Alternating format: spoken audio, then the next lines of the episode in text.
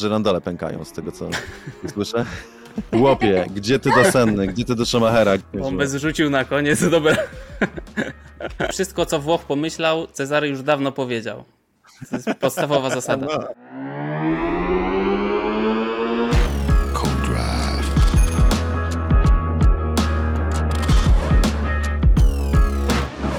Witamy serdecznie w podcaście Co-Drive przed Grand Prix Belgii. Spotykamy się po przerwie wakacyjnej, jakże długiej, ale w sumie udanej, więc nie narzekajmy na nią, e, bo fajnie, że była. Witamy Was w standardowym składzie tego wspaniałego podcastu, czyli wspaniała, jedyna Aldona Marciniak. Równie jedyny, równie jedyny Cezary Gutowski i równie wspaniały oraz moja Ja chciałam powiedzieć, że Cezary tak? wcale nie jest jedyny, bo Cezary na przykład y, złamał stopę kiedyś w meczu badmintona z Cezarym Gutowskim i nie było tak, to przed lustrem. Tak, dokładnie. Tak więc jest zawodnik badmintonowy, zresztą na, naprawdę dobry. Nie wiem, czy teraz gra Cezary Gutowski, grałem z nim, przegrałem z samym sobą, wtedy złamałem stopę, więc nie jedyny, ale mam nadzieję, że ten, że przynajmniej niepowtarzalny. Ulubiony. Ulubiony, o, ulubiony Cezary Gutowski, a jeżeli ogląda nas drugi Cezary Gutowski, to również Cię pozdrawiamy Czarku i musimy Cię zaprosić kiedyś do podcastu i zobaczymy, czy nasi widzowie się zorientują. Co prawda nie będzie nic wiedział o Formule 1, ale świetnie gra w badmintona. To wie, może. A może coś wie, faktycznie. Dobra, to zapraszamy, pisz, pisz, czy nas oglądasz. E, no i oczywiście moja nieskromna osoba, czyli Max Kapłon, to ja. E, słuchajcie, dzisiaj porozmawiamy sobie o ulubionym torze kierowców, czyli Spa w Belgii. Następnie przejdziemy do zapowiedzi drugiej połowy sezonu i zastanowimy się, czy Lance Stroll jest tak naprawdę większym killerem niż Max Verstappen. Porozmawiamy, e, porozmawiamy sobie chwilę o ulubionych torach widzów w 2002 roku dotychczas.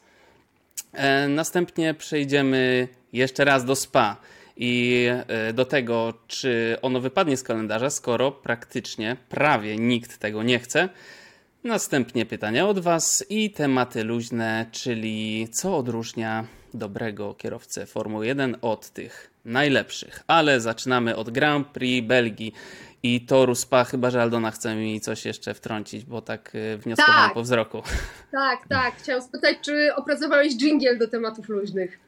E, tak, e, natomiast jeszcze nie będzie dzisiaj e, premiera. Premiera będzie w następnym Kodrive'ie, także już teraz macie powód, żeby obejrzeć następny. Dzisiaj będzie standardowo i cichutko. A więc, e, więc Zaczynam. przejdźmy. Zaczyna, zaczynamy. Tor Spa.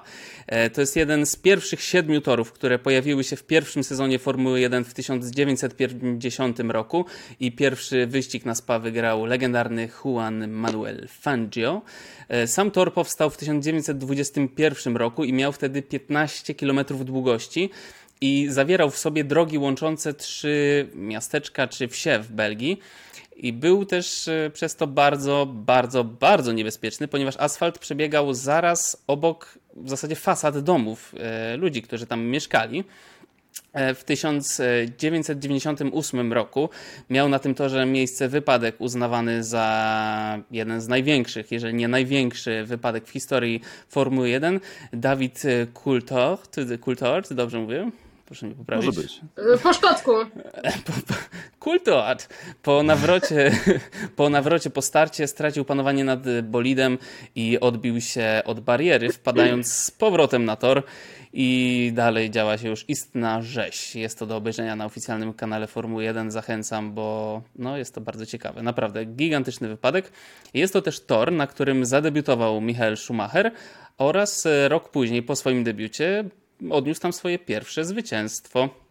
No i mimo, że nie ma już 15 km, tak jak 100 e, lat temu, 101 lat temu, to wciąż jest to najdłuższy tor w całym kalendarzu.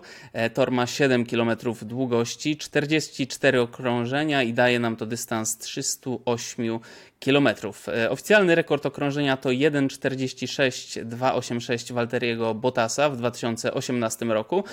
I tutaj szukałem, tak jak ostatnio, jakiegoś czasu dla porównania i nie znalazłem takiego jakiegoś, no znalazłem, ale zaraz się tego odniosę, ale znalazłem inną ciekawą rzecz. Mianowicie w 2019 roku e, prototyp Porsche LMP1, tylko że bez żadnych ograniczeń, to znaczy czysta prędkość. E, jeszcze jeśli chodzi o ten temat, to polecamy wywiad z Alexem Brandel, e, który przeprowadził czarek. On tam opowiada o tym, jak akurat LMP2, e, ale jak byłyby szybkie. Natomiast LMP1 Porsche bez żadnych ograniczeń czysta moc osiągnął czas 1,41 na tym torze, czyli 5 sekund szybciej niż Valtteri Bottas w 2018 roku. A inny czas, który znalazłem, to um, powiedzmy amatorski, ale pan amatorsko jeździł swoim Lamborghini Huracan i osiągnął tam czas 2,47. Także, także minutka za kierowcami Formuły 1. Co do terminarza, w piątek o 14 pierwszy trening, w piątek o 17 drugi trening, w sobotę o 13 trzeci trening, w sobotę o 16 kwalifikacje i w niedzielę o 15 to na co wszyscy czekacie, czyli wyścig. I nie będziemy już sobie teraz omawiać e, toru jako takiego, bo jeżeli Was to interesuje, to zapraszamy na Trackwalk z Czarusiem na koncie, na kanale YouTube Czarka. Tam on e, walcząc z rowerem, e, no nie walcząc, przepraszam, współpracując z rowerem, omawia cały tor bardzo dokładnie, bardzo fajny track, track, track, track walk. Także zachęcamy, ale i tak, mimo wszystko chciałbym usłyszeć parę słów od Was. E, za co lubicie ten tor, za co go nie lubicie, chociaż pewnie lubicie. Aldona, powiedz, lubisz ten tor? Lubisz, mm, lubisz ja... jeździć do spa? Do, do, spa jest e, idealnie. Spa to był mój, mój pierwszy wyścig Formuły 1, więc zawsze patrzę na to z dużym sentymentem. E, natomiast jeżeli ktoś chce pojechać na spa, bo na przykład e, lubi ten glamour Formuły 1, to e, polecam, żeby zawrócił przed wyjazdem, bo to nie to, za co, za co nie lubię spa. Spa nie lubię za wielopoziomowe siatkowe schody, które są pułapką po prostu dla wszystkich, jak widziałam, jak kiedyś tam na DTM, jak byliśmy i Andrea Kaiser, małżonka Sebastiana Ogiera, mistrza świata, która nie jest jakiegoś potężnego wzrostu i zawsze chodzi w koturnach albo w obcasach. I jak patrzyłam na nią po prostu, jak tam będąc reporterką e, w DTM-ie zasuwa po tych schodach z małymi sukcesami, to naprawdę bardzo, bardzo jej współczułam. E, Binder done that. Natomiast pytanie mam do Cezarego tak naprawdę, który się tam wybiera, czy wziął ze sobą parasol, bo we mnie zeszłoroczne wydarzenia e, zostawiły naprawdę wielką traumę i ja się nie wybieram. E, no tak, bo ta Adana z tego co rozumiem gdzieś tam ukryta przy śmietniku pod jedynym daszkiem mogłaś w tym deszczu czekając na wyścig, który się niby odbył, a tak naprawdę nigdy się nie odbył. Nie. Tak, cudowne wspomnienie. Nie, wcale tak. nieprawda i wcale, wcale koledzy zagraniczni nie robili nam zdjęć na upamiętnienie tego, o czym powiedziałeś, bo wcale tak nie było. Parasol wziąłem jak to zawsze na spa. E, kalosze nie posiadam, ale na pewno będzie dodatkowa parę butów w tej sposób wpisane w ten wyścig, w ten weekend, że to, on, to, to wyścig odbywa się w górach. To nie są jakieś góry skaliste, ale jednak są to góry. E, co też zresztą widać na trackwalku. Ta różnica wzniesień to jest ten jeden z tych elementów atrakcyjności tego toru, ogromnej. Tak więc e, oczywiście buty na zmianę są. Co do schodów ja je bardzo lubię, jakby moje obcasy tam nie, nie, nie utykają w tych kratkowych schodach, ale to jest faktycznie, się wchodzi teraz wyżej, wyżej i wyżej na te poziomy, czyli padok jest na niższym poziomie, potem się wchodzi po tych schodach e, do garaży, czy, czyli tam, gdzie stoją ciężarówki, tam się, gdzie się wchodzi do garażu, tam jest węziej po prostu, więc, więc tam się nie zmieszczą motorhomy, więc chodzi tymi schodami i potem znowu kratkowymi schodami się wchodzi do biura prasowego, który jest tym pit building nad garażami. W związku z tym ja akurat bardzo lubię chodzić, lubię chodzić po schodach, więc dla mnie to jest głównie takie fajne ćwiczenie cardio w ciągu dnia w górę i w dół. Ja to bardzo lubię, ale to powiedzmy preferuje inne aktywności niż chodzenie po schodach, szczególnie na obcasach, więc, więc jest ciężej mi się to bardzo, bardzo podoba. Tym bardziej, że jak wychodzi się z biura prasowego, to też zresztą pokazane na trackwalku, to od razu w prawo patrzysz i widzisz na przestrzał radią tam w tle, w tych górach właśnie między drzewami, więc jest to po prostu przecudnie e, fantastyczny widok. Miejsce, tak jak mówię, absolutnie historyczne, o takim klimacie, który należy chronić, a o tym chyba jeszcze będziemy dyskutować, prawda, e, o obronie SPA. E, I przede wszystkim z punktu widzenia kierowców tak naprawdę, znaczy dla fanów też. Moim zdaniem no, każdy, kto jest takim zatwardziałym fanem Formuły 1 i chce zbierać jakąś tam kolekcję miejsc, które odwiedził i prawda, tutaj przeszywać sobie sprawności na mundurku e, harcerskim, że to, to, to i to zaliczył Formułę 1, SPA musi zobaczyć. Tylko niekoniecznie jako pierwszy wyścig w życiu, dlatego że, a jeżeli pierwszy, to z kimś to już tam był, bo to jest jednak wyścig dla zaawansowanych widzów po prostu, dla e, takich twardszych, więc to jest miejsce, które trzeba zobaczyć. Kierowcy kochają SPA, dlatego że ma e, no, absolutnie wyjątkową naturę, czyli te podjazdy i zjazdy, które jeszcze raz polecam widać na trackwalku e, i kombinacje zakrętów, e, no, które zostały stworzone w naturalny sposób na takich naturalnych drogach, nie zaprojektowane, że siedzi Herman Tilke z inżynierami i, i, i mówi tak, tu pierdzielniemy korkociąg, tam nawrocik, tutaj szybki łuczek, prawda, tam pod górkę, a tu do tunelu, nie? To nie było tak robione. To jest po prostu tor, który powstawał na naturalnych, wytyczonych drogach, potem został oczywiście zaadaptowany do tego, żeby był to tylko i wyłącznie tor drogowy. E, tor o charakterystyce szybkiej i średnio szybkiej, czyli mamy te dwa, pierwszy i trzeci sektor e, na prędkość, na prędkości maksymalne głównie, ale po drodze jeszcze parę szybkich łuków, przede wszystkim środkowy sektor na aerodynamikę, e, który kochają kierowcy dlatego, że tam znowu ten docisk aerodynamiczny z góry na dół, w prawo, w lewo, wysokie przeciążenia, taki flow, po prostu coś, co tygrys robią najbardziej. Dlatego kierowcy kochają spa właśnie. Yy, że aż żyrandole pękają z tego, co słyszę. Aż ściany, rozumiecie, tak, tak. No Dona, nadajesz z kościoła jest taki tytyń, no, nie upękłaś. Tak, no, więc jest to tor e, no, po prostu taki kultowy i faktycznie fajne, że przytoczyłeś te wydarzenia, Max, bo działo się tam absolutnie mnóstwo, mnóstwo akcji przy, przy wielu różnych okazjach. E, zdarza się incydentalnie, że SPA jest wyścigiem przeciętnym albo nudnym, ale to jest rzadkość. Zazwyczaj się tam dzieje po prostu bardzo dużo. Zwroty akcji, zmiany pogody. E, często zdarza się tak, że na przykład pada deszcz nad jedną częścią toru, a nad drugą nie pada. E, na Spice to szczególnie właśnie częste zjawisko jak pada, dlatego że jest to znowu bardzo długi tor e, i znowu w górach, więc, więc tu może świecić słońce, tam może być deszcz.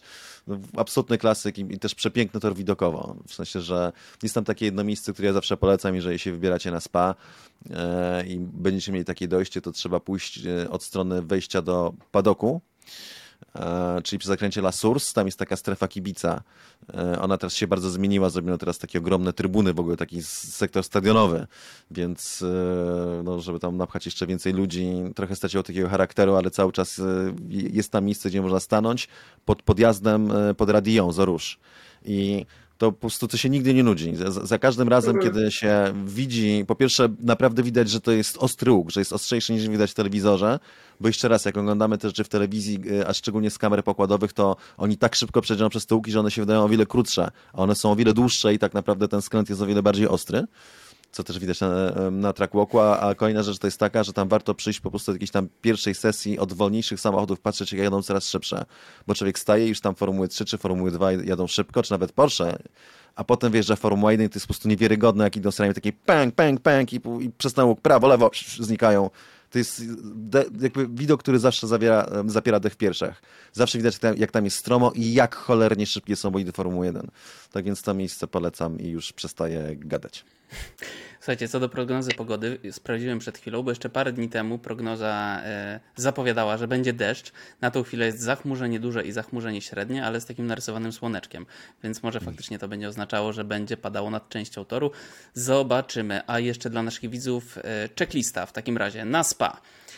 Płaskie buty, parasolka i jeżeli jedziesz pierwszy raz, to towarzysz, e, na przykład Cezary albo Aldona. Można zaprosić, nie wiem czy się zgodzą, ale do odważnych świat należy. Zapraszajcie, albo chociaż ktoś inny, kto już był na spa. E, ale teraz przejdźmy do zapowiedzi drugiej połowy sezonu. I chciałbym, żebyśmy porozmawiali sobie zespół po zespole, kierowca po kierowcy, czego nie dowieźli, a co dowieść powinni. I zaczniemy od ostatniego zespołu w klasyfikacji konstruktorów, czyli Williamsa i mamy kierowców e, Alex Albon i Nicolas Latifi. Dla tych, którzy oglądają nas teraz na YouTubie, to zobaczycie takie ładne graficzki, które przygotowała Formuła 1 z porównaniem obu kierowców. Mamy tam, który z kierowców e, częściej kończył wyścig na wyższym miejscu. To samo dotyczy kwalifikacji, ile zdobyli punktów, które miejsce było ich najlepszym na koniec wyścigu, które miejsce po kwalifikacjach najwyżej zajmowali i ile razy nie dojechali do końca wyścigu. No mamy tak, Albona i Latifiego. Albon ogólnie wygląda jednogłośnie lepiej niż Latifi. Co wy uważacie o tym zespole, Cezary? Może jeszcze powiedzmy tak, że w wyścigu kto wyżej ukończył, e, albo jakby mhm. nie, słychać tego, jakby nie słychać tego w podcaście. 10 no, do 3 dla Albona, 11 do 2 w kwalifikacjach dla Albona, 3-0 jeśli chodzi o zdobyte punkty. Najlepszy tak, finish wyścigu, na to może skończymy. 9 Albon, 12 Nicolas Latifi. Ostatnio czytałem bardzo fajne wypowiedzi Nicolas Latifiego, że teraz dopiero pokazuje, że zasługuje na to, żeby zostać w Formule 1. Oczywiście w ekipie Williamsa nie będzie wybrzydzał, raczej nie będzie wyżej celował, bo to jest dla, dla niego szansa szansa, że zostanie. No, co do Albona zrobił to, co musiał. W sensie, że y, idąc do Williamsa, wracając do Formuły 1, musiał pokazać się z jak najmocniejszej strony, potem jak wypadł z, z Red Bulla i to po prostu robi. E, robi to na tle Nicolas Latifiego, co złośliwi mogą powiedzieć, że co to za, tak, co to za rywal, a jednak trzeba powiedzieć, że Latifi, no co, trzeci rok już Formuły 1, e, trzeci rok w Williamsie i plus Latifi moim zdaniem nie jest takim kelnerem, jak niektórzy go widzą. W sensie, że on oczywiście sięgnął jakiegoś swojego sufitu, jeśli chodzi o Formułę 1, natomiast to nie jest jakiś tam niski szczególnie sufit. Jest to kierowca, który potrafi jeździć na solidnym poziomie, tylko żeby to pokazać, musiałby jeździć w jakiejś porządnej ekipie jako kierowca numer dwa, bo raczej liderem nigdy nie będzie tej ekipy. Myślę, że jakoś by sobie w tym zespole radził, tego William się nie jest w stanie pokazać. E, z drugiej strony jednakowoż, no, jeżeli tak się zastanawiamy, dyskutujemy na temat tego, e, kto powinien w Formule 1 miejsce zwolnić, to Nicolas Latifi jest jednym z pierwszych kierowców, których się się podaje i no, no dla mnie, no, dla Williamsa, na, w ogóle ten szef Williamsa, Jost Capito ostatnio od, od, odrzucał sugestię, że y, radzą sobie w nowej erze tak samo jak za Claire Williams. Mówi, że wcale tak nie jest, że jest lepiej niż za, y, teraz, kiedy jest nowy właściciel. Natomiast, y, no co to dużo mówić, to jest cały czas najsłabszy zespół Formuły 1 i tutaj raczej cudów nie będzie, choć zobaczymy, jak się zmieni Formuła 1 po wprowadzeniu tych no, jakby nowych zasad kontrolowania dobijania, prawda? To jest jakby wielka rzecz przed tym wyścigiem. Może o tym też powinniśmy jakoś wspomnieć. Natomiast no i... Latifi, no warto, że chociaż punkty zdobył, moim zdaniem jest pierwszym czekiem do strzału, chociaż za, za nim stoi oczywiście, no po pierwsze to, że zespół go zna, a po drugie to, że yy, yy, że ma pieniądze. Następny zespół, czyli Aston Martin i tutaj mamy Lensa Strolla i Sebastiana Vettela. Jeśli chodzi o ukończone wyścigi. Kto ukończył je wyżej? Mamy 5 wyścigów Strola do 6 Fetela, kwalifikacje 3 Strola do 8 Fetela, punkty 4 do 16 i jeśli chodzi o najwyższy finish na końcu wyścigu, to finish na końcu dziesiąte miejsce Strola i szóste Fetela. Aldona, powiedz y, pytanie z tezą, dlaczego mm, y, Aston nas zawiódł i czego możemy się spodziewać w drugiej połowie sezonu? Proszę bardzo. Aston nas zawiódł, bo ma e, problemy wielowarstwowe, poczynając od struktury właścicielskiej. Natomiast ostatni dobry moment tej ekipy to moment, w którym skopiowała Mercedesa połowę, za co zresztą zostali, zostały im odjęte punkty. Gdyby nie te punkty, to byliby trzeci i to był ich highlight w tej nowej strukturze właścicielskiej. A teraz niestety bardziej jest tak e, sprawiedliwie, o tak bym powiedziała. E, no i problem polega na tym, że mimo, że zrobili samochód na wzór Red Bulla, Wiem, rzekomo, Max, rzekomo, rzekomo. Pamiętasz, pamiętasz dobrze o tym, że e, dwa budowali jednocześnie i wprowadzili to. to nie bez kontrowersji w Grand Prix Hiszpanii, to cały Pomówienia. czas nie potrafią, nie potrafią z tej konstrukcji, z tego konceptu, z, tej pomysłu, z tego pomysłu wycisnąć prędkości, więc to jest to zadanie na drugą część sezonu. No a my oczywiście wszyscy pamiętamy przy okazji, że jest to e, moment, w którym żegna się Sebastian Vettel, a więc to jest ostatnich dziewięć wyścigów Vettela. Fajnie by było zakończyć jakimś dobrym rezultatem. E, było blisko podium na przykład e, w zeszłym sezonie na, na, na Węgrzech Sebastiana Vettela, więc nie jest to takie totalnie nierealne. Natomiast w obecnym układzie oni zbierają punkty pod koniec pierwszej dziesiątki i tak też będzie w drugiej części sezonu w planie maksimum, moim zdaniem. A czego możemy się spodziewać po, tak, Jeśli tak. mogę, tak, to patrząc na punktację, no to powiedzmy, że jak się tak szarpną do drugiej połowie sezonu, nastąpi jakaś niesamowita odmiana, no to siódme miejsce, na którym jest Has w zasięgu, bo brakuje im tylko 14 punktów. Has robi wszystko, żeby punkty marnować, jego kierowcy, tak więc powiedzmy, to jest nadzieja, że mimo tego, że Has ma lepszy bolid, bez cienia wątpliwości, to skończy za Astonem. Po drodze jest jeszcze Alfa Tauri oczywiście, którą można przeskoczyć. Alfa Tauri jest tylko 7 punktów przed, e, przed Astonem. E, a czego się możemy spodziewać po Lensie Strollu? Czego możemy oczekiwać od Lensa Strolla? Może w ten sposób. E, czy e, pijesz do tego, że jest największym teammate killerem i e, zabił kolejnego teammate'a? No wyjaśnij to teraz, wyjaśnij. Słuchajcie, okazuje się właśnie, słuchajcie drodzy widzowie, że Lens, do tej pory myślano, że to Verstappen jest najcięższym partnerem zespołowym dla innych kierowców, ponieważ każdy po prostu przy nim odpadał. Natomiast okazuje się, że to jednak Lens Stroll jest w czymś lepszy od Verstappena i z ostatnich, ze wszystkich czterech jego kolegów zespołowych tylko jeden jest wciąż aktywnym kierowcą Formuły 1. Mamy tak, Felipe Massa, emerytura, Siergiej Sirotkin, out. Sergio Perez wylądował dosyć miękko, Sebastian Vettel, emerytura. Proszę bardzo. Lensie Strolu, gratulujemy. Tak, Następny... pora na Fernando Alonso. Tylko... gdy tylko zaanonsowałeś, e, że to Lance Stroll jest tym teammate killerem, to sobie pomyślałem, że po prostu zabija w swoich teammate'ach e, radość z Formuły 1 albo z życia tak w ogóle. Też niewykluczone. Nie, I niewykluczone. sens energię. Wszyscy są zdruzgotani tym, że przychodzą do ekipy i wydaje mi się, że są dobrzy, nagle patrzą na telemetrię Strola i widzą, ojej, to on tu tak szybko jedzie, to on tak ogarnia. Geniusz. Ostatnio Michael Clark tłumaczył znowu, jak wcześniej od Marszafnauer, dlaczego Lance Stroll to w zasadzie, no może tego dokładniej powiedział, ale do tego zmierzał, że to jest w zasadzie taki drugi Max Verstappen czy Charles Leclerc, prawda? On niczym nie ustępuje. Jakby posłuchać szefów byłych albo obecnych e, Astona Martina. Co by oz- oznacza oczywiście, że Sebastian Vettel, który ewidentnie radzi sobie lepiej od Strolla, jest w takim razie no, lepszy jeszcze od Verstappena i Leclerca. Następny zespół. E, Alfa Tauri, Pierre Gasly i Yuki Tsunoda. Jeśli chodzi o wyżej ukończone wyścigi, 8 do 5 na rzecz Gasly'ego, kwalifikacje dokładnie tak samo, 8 do 5 Gasly, punkty 16 Gasly, 11 Tsunoda. Najlepsza e, pozycja w wyścigu, na koniec wyścigu, piąta Gasly'ego i siódma Tsunody. Najwięcej polajkowanych e, rzeczy na Instagramie, 1000 Gasly, 13 Tsunoda, także tutaj zdecydowanie najwięcej. E, Cezary, co uważasz o do tej pory sezonie Alfy Tauri i czego możemy albo powinniśmy się spodziewać, bo dla mnie to jest chyba jedno z największych rozczarowań ogólnie. Absolutnie, jest to duże rozczarowanie i także dla jej kierowców, stąd te frustracje Piera Gastiego i też jego słabsze występy, bo te słabsze występy moim zdaniem nie wynikają tylko z tego, że ten bolid jest bardzo taki kapryśny i strasznie ciężko jest trafić w jego optymalne ustawienia i potem utrzymać go w tym oknie.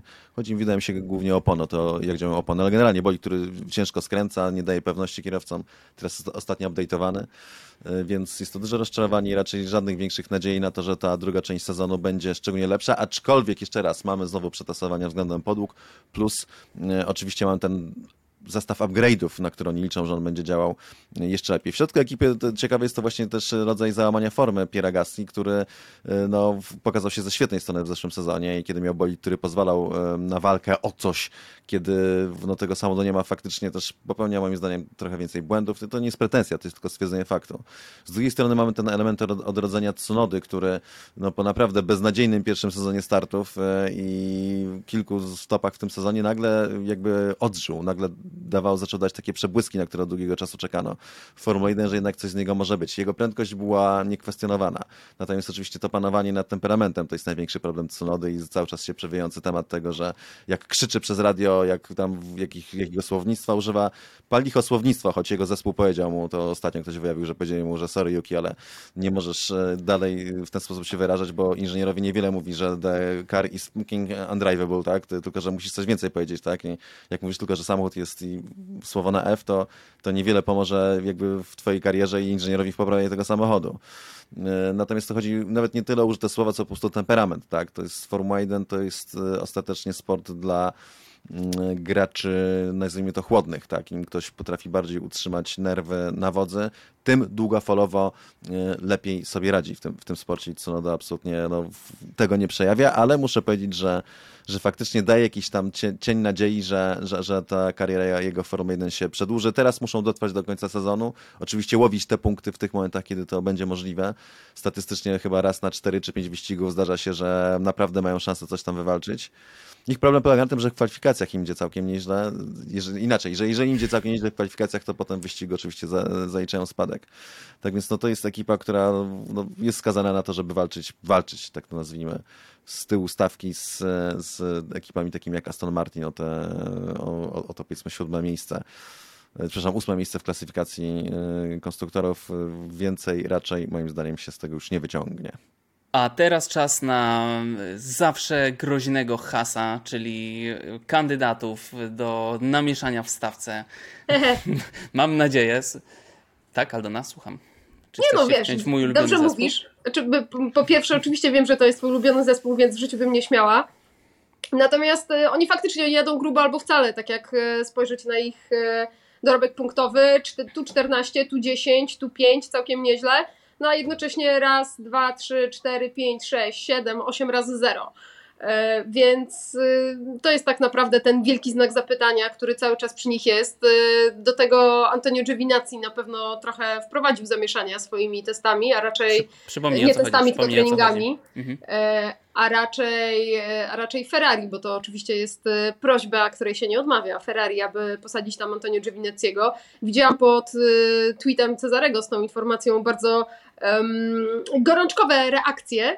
E, Natomiast e, to nie jest nasz pomysł i to nie jest nasz pomysł, żeby Antonio Giovinazzi wszedł do Hasa. E, To jest pomysł Ferrari i Ferrari ma pełne prawo ten pomysł mieć. No tak. To teraz przypomnijmy. Kevin Magnussen i Mick Schumacher. Jeśli chodzi o wyższe miejsca na koniec wyścigów, 5 Magnusena do 7 Schumachera. Kwalifikacje, no tutaj jest przepaść. 11 Magnusena do 2 Schumachera. Punkty 22 Magnusena do 12 Schumachera. y, I jeśli chodzi o najwyższe miejsce na koniec wyścigu, to piąte Kevina Magnusena i wspaniałe szóste y, Mika Schumachera. Pozwolę sobie dodać coś od siebie y, jako wielki fan w naszej grupie. Mm, Mianowicie to są tak, to jest taka burza emocjonalna, bo z jednej strony się cieszysz, że się odbili, że walczą, że mają potencjał, a z drugiej strony apetyty no, urosły momentalnie bardzo wielkie. Po pierwsze po testach, potem po pierwszym wyścigu sezonu. Wydawało się, że oni tu się będą bić po prostu best of the rest.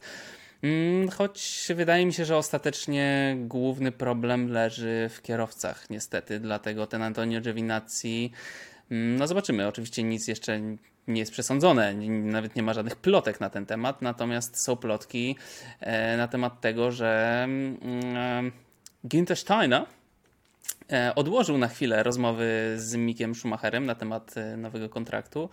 E, Także zobaczymy. Trochę się tam chyba pali podłoga Mikowi. No Mick Schumacher miał iść do Astana, tam był taki, już Sebastian Vettel mu jakby namaścił drogę i, i kombinował, żeby tam mu pomóc z całą pewnością, działał za kulisami, żeby, że- żeby dać mu ten awans do, do innej ekipy, to wyjście z Hasa i to oczywiście spalił Fernando Alonso, zgadzając się na to, żeby zająć ten fotel. Nie wiem, tutaj zmiłuj się. No, z, z Mickiem to jest dla mnie taka dziwna sytuacja, dlatego że e, no, z jednej strony faktycznie pokazał, żeśmy to sami mm, jakby akcentowali i przewidzieli też de facto, że, że potrafi zdobyć punkty i że potrafi dobre wyścigi, że ma w sobie to coś więcej niż tylko nazwisko. Z drugiej strony cały czas jest słabym elementem tej ekipy i moim zdaniem cudu nie będzie. To nie będzie tak, że nagle od, tak, od, od tego momentu Mick Schumacher będzie regularnie y, zachwycał nas swoimi umiejętnościami. To jest po prostu kierowca przeciętny, był, jest i będzie kierowcą przeciętnym. Stać go, chociaż cały czas podkreślam, że w odpowiednich okolicznościach może zdobyć nawet Mistrzostwo Świata. Natomiast są też wieści, że Mattia Binotto jakoś nieszczególnie entuzjastycznie już patrzy na, e, na Mika Schumachera względem jego obecności w Akademii Ferrari i przyszłości w Ferrari, a do tego de facto Mick Schumacher jest szykowany, tak? Po to poszedł do Hasa, żeby szykować się, bo to inaczej nie miałoby sensu. Zresztą sam to powiedział Binotto. Tak więc na, na, na dalszą część sezonu to, co ja przewiduję, to to, że Alfa Tauri będzie dalej marnować punkty. Znaczy nie Alfa Tauri, ojejku, Has, dlatego, że to mają jakby... też. Alfa też. To mają we krwi, w sensie to, to jest wpisane w DNA tej całej ekipy, że cała ekipa ma takie podejście, że to nie, nie, przeszkadza, że tracimy 70% 70% punktów, czy to z winy zespołu, czy to z winy kierowców, jakich obstawiamy. Bo co to dużo być, Kevin Magnussen też jest przeciętniakiem, wielkim średniakiem, mówiąc w skrócie. To jego kolizje, jakie miał w tym sezonie, szczególnie z Lewisem Hamiltonem, to jest po prostu coś nie do pomyślenia dla kierowcy e, z takim doświadczeniem i to się nie zmieni, w sensie to, to, to że to się będzie działo, było wiadomo, kiedy Magnussen wracał do Formuły 1, to czym zapowiadali, to się dzieje. Tak więc no, dla Hasa mamy. Generalnie jeśli chodzi o, o zespoły z silnikami Ferrari, to jest jedna wielka historia, że oni to tak, kto by z tym silnikiem Ferrari nie jeździł, to wszyscy bardzo chętnie marnują, marnują dużo punktów i Has nie jest tutaj wyjątkiem. Otóż to. Przechodzimy do Alfa Romeo, czyli Romeo, oczywiście to był żart. Valtteri Bottas i Zhou Guanyu lub Zhuganju. Jeszcze raz, Valtteri Bottas i Zhuganju. E, Jeśli chodzi, no tutaj jest ogólnie dosyć spora różnica między tymi kierowcami. Jeśli chodzi o wyższe miejsce na koniec wyścigu, 10 do 2 na rzecz Bottasa, kwalifikacje 10 do 3 na rzecz Bottasa, punkty 46 do 5 Bottasa. E, Najlepsze miejsce na koniec wyścigu, piąte Bottasa do ósmego Joe. E, Wielka reklama systemu Halo 01 dla Joe. E, Cezary. No chyba spodziewaliśmy się z jednej strony trochę więcej po Alfie Romeo, ale od samego początku mówiłeś, że tam po prostu problemy operacyjne są, będą i mimo, że mają szybki bolid, to mogą ich zjeść. No, zespół zrobił ogromne postępy wraz ze zmianą formuły. Jeszcze raz potwierdzając to, że jeśli chodzi o jakby ich działy, o ich laboratoria, o to, co się dzieje w Hinwil, w siedzibie, to jest naprawdę świetnie zorganizowane, bardzo dobre zaplecze i, i akurat ci ludzie robią świetną robotę. E, natomiast duży potencjał marnowania punktów i okazji na torze, który jest jakby udziałem w zasadzie wszystkich, łącznie nawet z Walterim Bottasem, który trzeba dodać naprawdę robi, jest bardzo dobrym, bardzo solidnym kierowcą i szybkim, ale on od czasu do czasu jakąś tam, może najmniej ze wszystkich swoją cegiełkę do tego dorzuci, wszystko się składa na tą piękną całość. Dużo awarii, to trzeba też podkreślić, szczególnie w okolicach układu napędowego i skrzyni biegów, bo Alfa Romeo postanowiła zrobić własną obudowę skrzyni biegów. Dobry ruch, jeśli chodzi o kwestie strategiczne, o limity budżetowe, że po prostu no, ich to wyjdzie taniej po prostu w perspektywie czasu, tylko że niestety z tej nowej obudowy wynikają częste mm, problemy z przekładniami generalnie, dlatego że coś tam nie do końca bangla, jak to się mówi w języku młodzieżowym. E, Alfa na szóstym miejscu i wydaje mi się, że to jest oni w zasadzie niewiele awansu, nie, nie ma co oczekiwać, wyżej na pewno nie będą, bo nawet zakładając, że mają lepszy od McLarena, a chyba mają e, i e, bolid na poziomie Alpin, czyli teoretycznie szans na czwarte miejsce, zawsze te punkty będą uciekały, bo tutaj jakiś ktoś coś podejmie decyzję strategiczną, tutaj ktoś, jakiś kierowca źle podejmie decyzję na to, że tutaj gdzieś będzie jakaś awaria, tak więc no to moim zdaniem to będzie tak wyglądało do końca sezonu, że tutaj no czasem dobre kwalifikacje i tam Bottas przebijający się albo po, po, się po słabym starcie tradycyjnie, przebija się i dojeżdża na tej piątej, szóstej pozycji, natomiast e, wyżej pasa, jak to się mówi, bardziej kulturalnie nie podskoczą. E, I tak szóste miejsce to będzie wielki sukces, który będą opiewali, że o, tutaj takie wielkie postępy, jesteśmy tacy zajebiści, że szóste miejsce, to oczywiście będzie się zamieniało w kolejnych sezonach w coraz niższe lokaty, bo zespół jest źle prowadzony. Bez ciężar odpowiedzi. Jeśli chodzi o Juganju, e, z jednej strony faktycznie w kilku różnych momentach pokazał takie dość fajne tempo i, i zadziora i, i jakieś tam powiedzmy umiejętności walki może nie z najwyższej półki, ale jednak, że nie jest tutaj, nie jest totalnym kelnerem do wjeżdżania.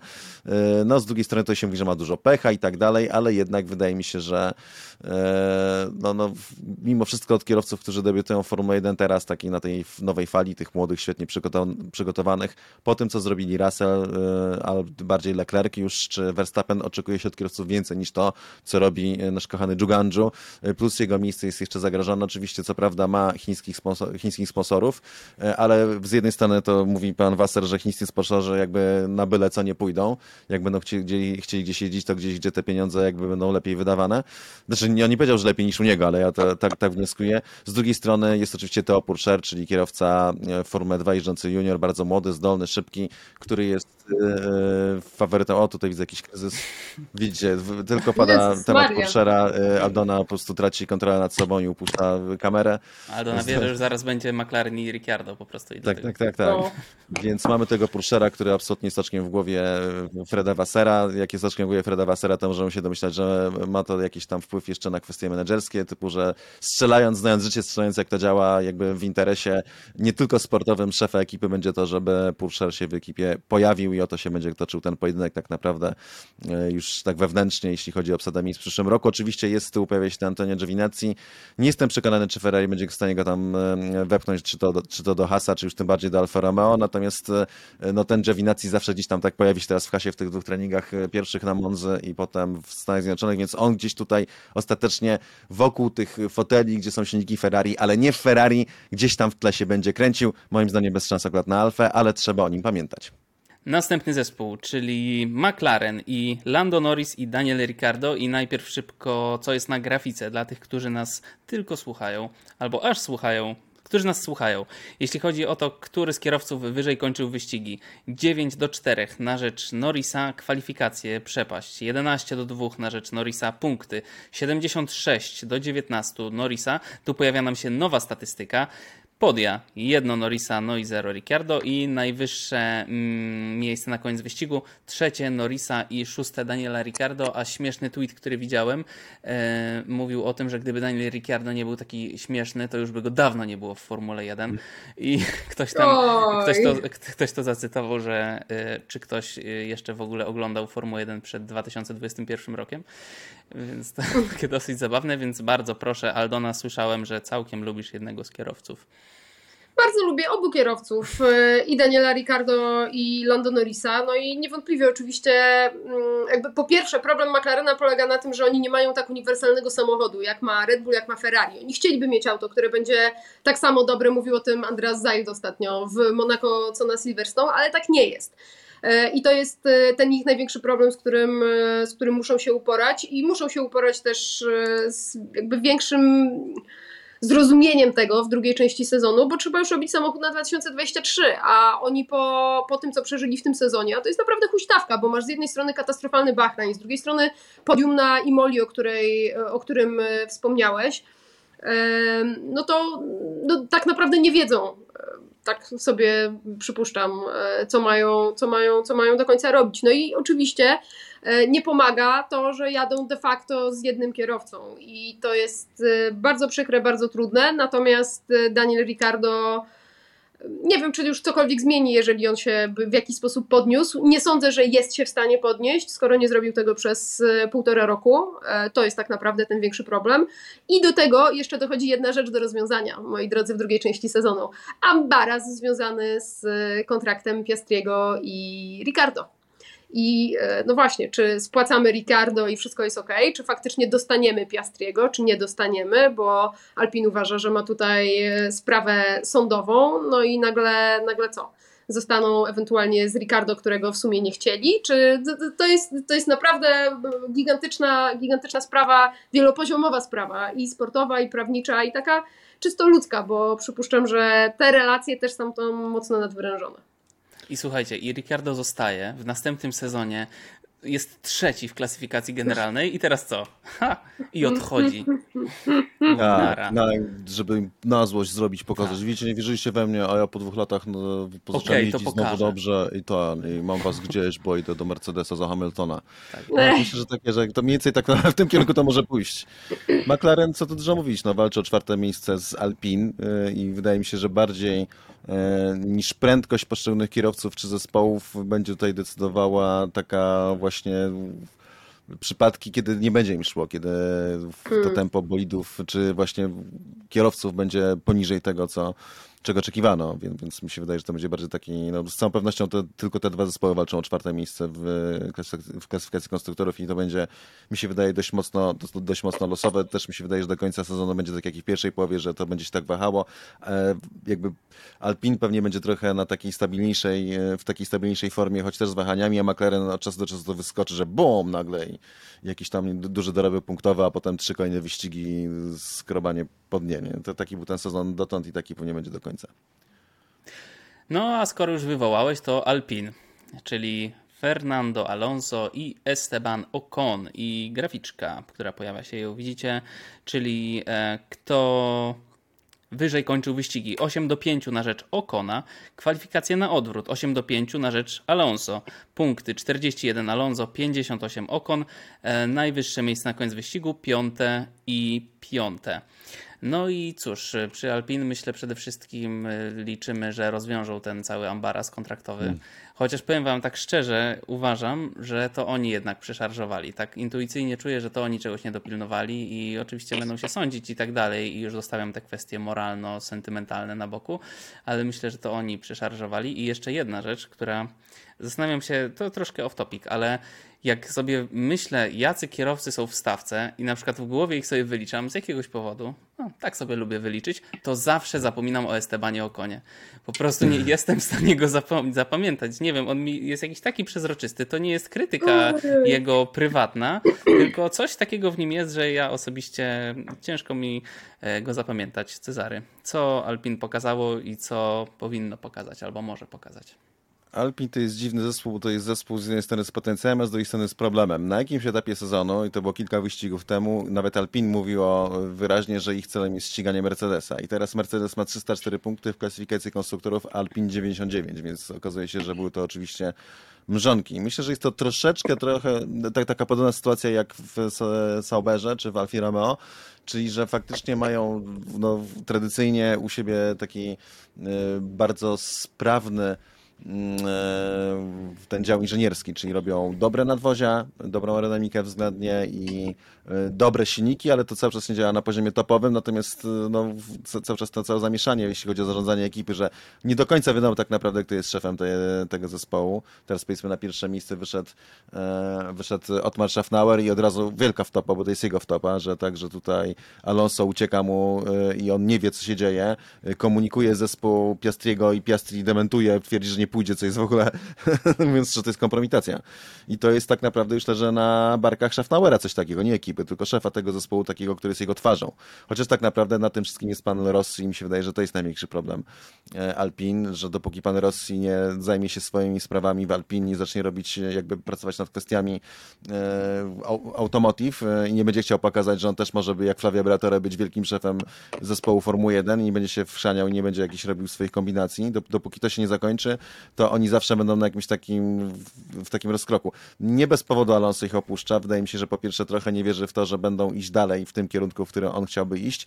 W drugiej stronie ewidentnie te wewnętrzne zagrania i to, że e, no, Okon mi się wydaje też taką właśnie, czy ciekawie powiedziałeś o Okonie, że z jednej strony kierowca, który ma naprawdę duży potencjał, jest naprawdę szybki, ale z drugiej strony jest jakaś taka agresja czas, czasami nadmierna i niepotrzebna względem szczególnie kolegi z ekipy. Taka naprawdę kilka razy pojechał tak Okon, że ja rozumiem, że on walczy o swoje i, i opozycję i tak dalej, ale myślę, że, że przesadza, że Okon jest, Okon jest dla mnie takim trochę lekko frustratem, nie? że w sensie, że tutaj czuję się trochę, czuję, że zasługuje na więcej niż ma tak naprawdę, że tutaj patrzę, że to Verstappen walczy o Mistrzostwo Świata, tu Leclerc, Ferrari, e, on miał być kierowcą Mercedesa, bo był kierowcą Toto, a tu George do, do Mercedesa, a on biedny zostawiony w tym Alpinie, ostatecznie robi się z tego jakiś taki dziwny, emocjonalny miszmasz, taka maligna, więc wszystko, na co może liczyć Alpin w tym sezonie, to jest czwarte miejsce, o które będą walczyć z McLarenem, nie jestem w stanie wytypować faworyta tej walki, natomiast najbardziej niepokojące jest to, co się będzie działo z tym zespołem e, w kolejnych latach, bo to nie wygląda dobrze, dopóki tego nie ogarną,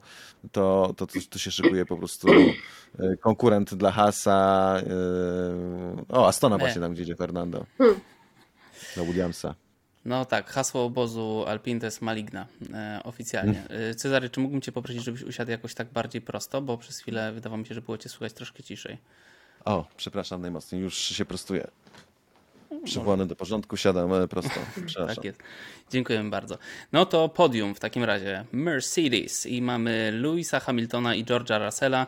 E, Wyżej ukończone wyścigi 7 do 6 Russell, kwalifikacje 7 do 6 Russell, punkty 158 do 146 Russell, e, podia 5 do 6 Hamilton, to znaczy 6 do 5 Hamilton, e, najwyższe miejsce na koniec wyścigu, drugie Hamiltona i trzecie Russella. No i pytanie główne jest takie, wydaje mi się, czy Mercedes przeskoczy Ferrari w tej klasyfikacji konstruktorów na koniec sezonu. Aldona, co sądzisz? Pełna zgoda, to jest, to jest główne pytanie i to świadczy o postępie, jaki, jaki zrobili, ponieważ no, na początku nic na to nie wskazywało, a teraz faktycznie możemy się nad tym zastanawiać. 30 punktów dzieli te ekipy, 9 wyścigów do końca. Ostatnie wyścigi, ostatnia cała seria wyścigów, wyliczaliśmy to kilka kodrive'ów temu, to no, zdecydowanie na korzyść, na korzyść Mercedesa.